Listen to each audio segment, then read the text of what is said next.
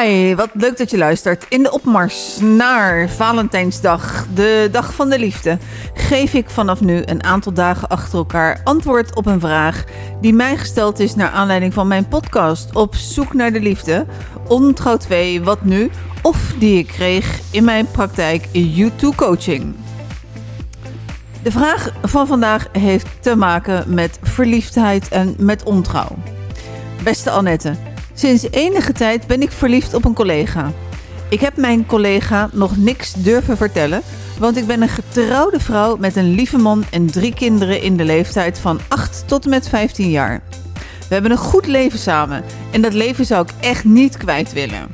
Toch is ons seksleven wel een beetje een sleur en fantaseer ik nu over die collega. Zal ik het mijn man wel of niet vertellen? Groetjes, Sandra. Dit is een vraag die ik vaker gesteld krijg. Want waar doe je goed aan? Ik snap het dilemma. Vertel ik het wel en wat is het effect hiervan? Of vertel ik het niet en is het dan klaar? In heel veel van dit soort gevallen over vertel ik het wel of vertel ik het niet, ligt een grote angst ten grondslag. De eerste angst is de angst om je partner te kwetsen. Wat als ik het vertel? Wat, wat doet die informatie met mijn partner? En mijn partner, ja, die wil ik gewoon niet graag kwetsen. Het is toch mijn maatje, het is de vader van mijn kinderen. En uh, ik heb ook niet natuurlijk het, uh, dat ik weet wat dat voor een effect heeft. Hoe ik hem kwets. De andere angst is de angst om afgewezen te worden. Stel, je vertelt dit en je partner zegt van ja, uh, Sandra, zoek het maar uit. Zoek het maar uit met uh, hier heb ik geen zin in. Uh, ik ben er klaar. Ik ben er klaar mee. Wat. Uh, um, dus dat weet je nooit. Dus die twee angsten, die zijn de grootste angsten om iets te gaan vertellen, ja of nee. Vanuit mijn perceptie, de redenen om het wel te vertellen, is zoals een wijs man ooit zei. En in mijn wereld is die wijze man Piet Wijsveld. En luister ook naar aflevering 38 van mijn podcastserie Op zoek naar de liefde. Dat is de podcast met Piet. En het is trouwens mijn tweede best beluisterde item. En hij zegt: elke gedachte die van belang is voor de relatie, daar heeft je partner recht op. En in die zin, dit is wel een gedachte die van belang is voor jouw relatie. Dus je partner heeft hier recht op. Dat betekent wel vertellen. Een andere afweging. Zoals je zelf al aangeeft, vertel je dat je je huwelijk niet wilt verlaten. Maar dat jullie seksuele relatie wel na zoveel jaar, ik weet niet hoeveel jaar, uh, maar je hebt in ieder geval uh, ook een kind van 15 jaar, dus jullie kennen elkaar langer dan vandaag, dat jullie relatie in een sleur terecht is gekomen.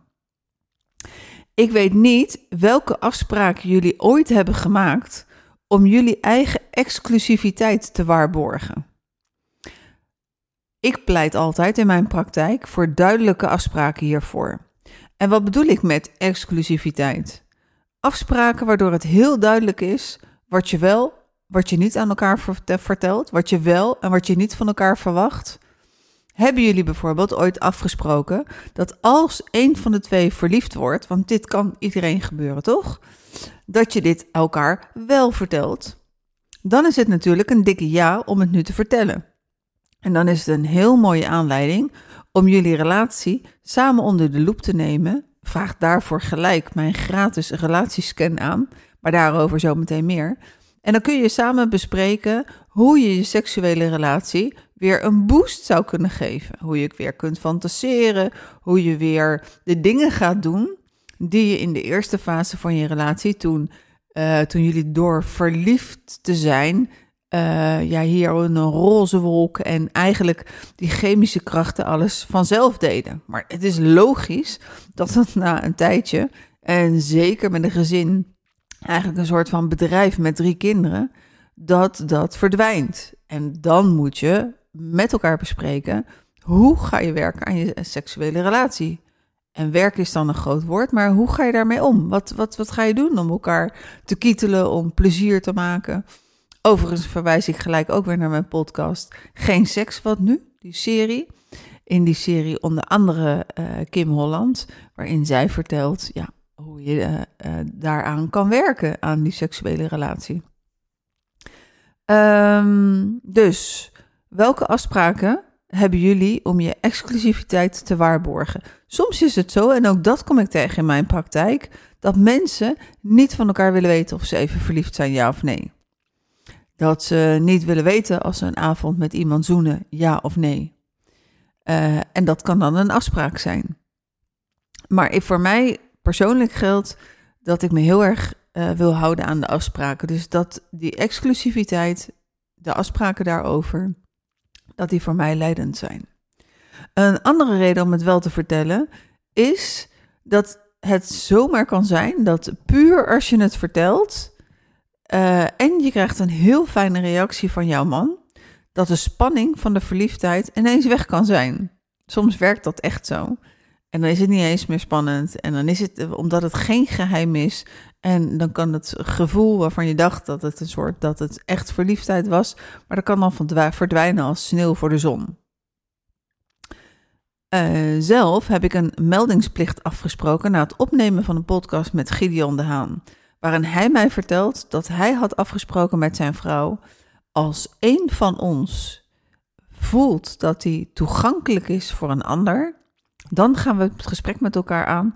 Want uh, dan kan het zo maar zijn dat, een, dat diegene iets mist in onze relatie. En dan kunnen we eraan werken. Uh, daar ben ik het mee eens. Dus die afspraak heb ik ook daarna gemaakt met mijn, uh, met mijn toenmalige partner en nu met mijn huidige partner. Want ik merk in mijn praktijk dat een van de diepste pijnen bij de bedrogen partners zit dat ze soms weken, maanden en soms jaren achterlopen bij hun partner omdat ze niet zijn meegenomen in het proces en dat ze daarin geen keuze hadden. Dus ze hebben geen keuze gehad om op het moment van de splitsing, waar hun partner het bos zelf, uh, in het bos zelf een route koos, uh, of ze mee wilden gaan met die partner. Zo van: oké, dit gaan we samen onderzoeken, wat is er? Of dat ze willen blijven staan. Of om een eigen weg te, kiezen. Er simpelweg en pijnlijk genoeg voor hen gekozen. En dit blijft heel lang knagen. En nu is het zo dat ik je heel duidelijk uh, zie, uh, hoor zeggen. Hè, ik lees het natuurlijk vanuit uh, je mailtje wat je geschreven hebt, maar dat ik heel duidelijk lees dat je niet iets met die collega wil, omdat wat je thuis hebt, dat dat je heel veel waard is. Maar je kan ook niet in de toekomst kijken. Dus je staat nu nog in het begin van het bos en je kan je partner daarin meenemen. Dus dat zijn voor mij allemaal redenen om het wel te zeggen. Er is ook natuurlijk wel een reden om het niet te vertellen. Gevoelens voor een derde persoon zijn natuurlijk altijd wel heel precair. En ik denk dat je vooral moet kijken naar de impact die deze gevoelens hebben op jouw relatie met, met jouw man, de vader van je kinderen en op jezelf. Kan jij aanvaarden dat je verliefd bent zonder jouw relatie te verwaarlozen en zonder er iets mee te doen? Dan hoef je het natuurlijk niet te vertellen. Dat stukje herken ik zelf ook wel. En ik ben in het verleden zelf ook wel eens verliefd geweest en waar ik helemaal niks mee gedaan heb. En dat kan. En ik vergelijk dat altijd om een stukje uh, ja, verliefdheid. Ik, ik denk ook, heel eerlijk gezegd, dat ik eeuwig verliefd zou blijven op George Clooney. Ik ben natuurlijk 58, dus ik ben van een wat uh, oudere generatie. En uh, George Clooney bedreigt op geen enkele wijze mijn relatie. Nee, helemaal niet. Uh, ja, ik zou wel graag een wildcard willen krijgen voor George Clooney. Maar ik weet dat ik in, dat in deze relatie ook niet krijg. En dat is ook helemaal oké. Maar snap je wat ik bedoel? Een verliefdheid zoals op de mannen van de Coca-Cola reclame. Of uh, de zanger van uh, Gold Band, Goldband. Ik weet eigenlijk niet hoe je dat zegt. Of uh, George Clooney. Zo'n verliefdheid, daar kan je een geintje over maken. Of dat hoef je natuurlijk niet te vertellen. Maar als het dieper gaat dan dat, dan verdient het wel de, de koninklijke prijs. Als je het wel vertelt in den beginnen. Als je dat samen hebt afgesproken. Nou, ik hoop dat ik je voldoende uitleg heb gegeven, zodat je een eigen, eigen goede afweging kan maken. Heb je nog een vraag hierover, stuur me dan even een appje. In de opmars van Valentijnsdag geef ik elke dag antwoord op een vraag die gesteld is naar aanleiding van mijn podcast of die ik krijg in mijn praktijk of naar aanleiding van een mail. Mijn naam is Annette Burgers. Ik ben relatietherapeute en podcast-host van Op zoek naar de liefde. Mijn praktijk heet YouTube Coaching en ik werk fysiek live in mijn praktijk in de wijk Duinoord, niet te verwarren met Duindorp in Den Haag. Ook werk ik veel online met mensen die ver weg van Den Haag wonen en af en toe naar Den Haag komen, of we werken 100% online. online. Ik ben de ontrouw-expert van Nederland en ik geef je graag antwoord en advies. Ook ben ik gespecialiseerd in het verbeteren van communicatie en mede daardoor het verbeteren van de verbinding in relaties. En als langs ben ik gespecialiseerd in het brengen van meer rust en harmonie in samengestelde gezinnen. Kijk vooral, neem vooral een kijkje op mijn website www.youtubecoaching.nl met YouTube J-U-T-T-U. En vraag dan aan mijn gratis relatiescan, zodat je samen kunt kijken naar hoe het gesteld is met jullie tevredenheid over jullie relatie.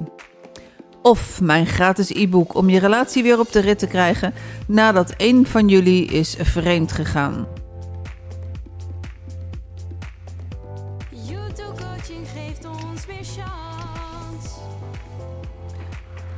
In een relatie wordt één op de vier verliefd op een ander.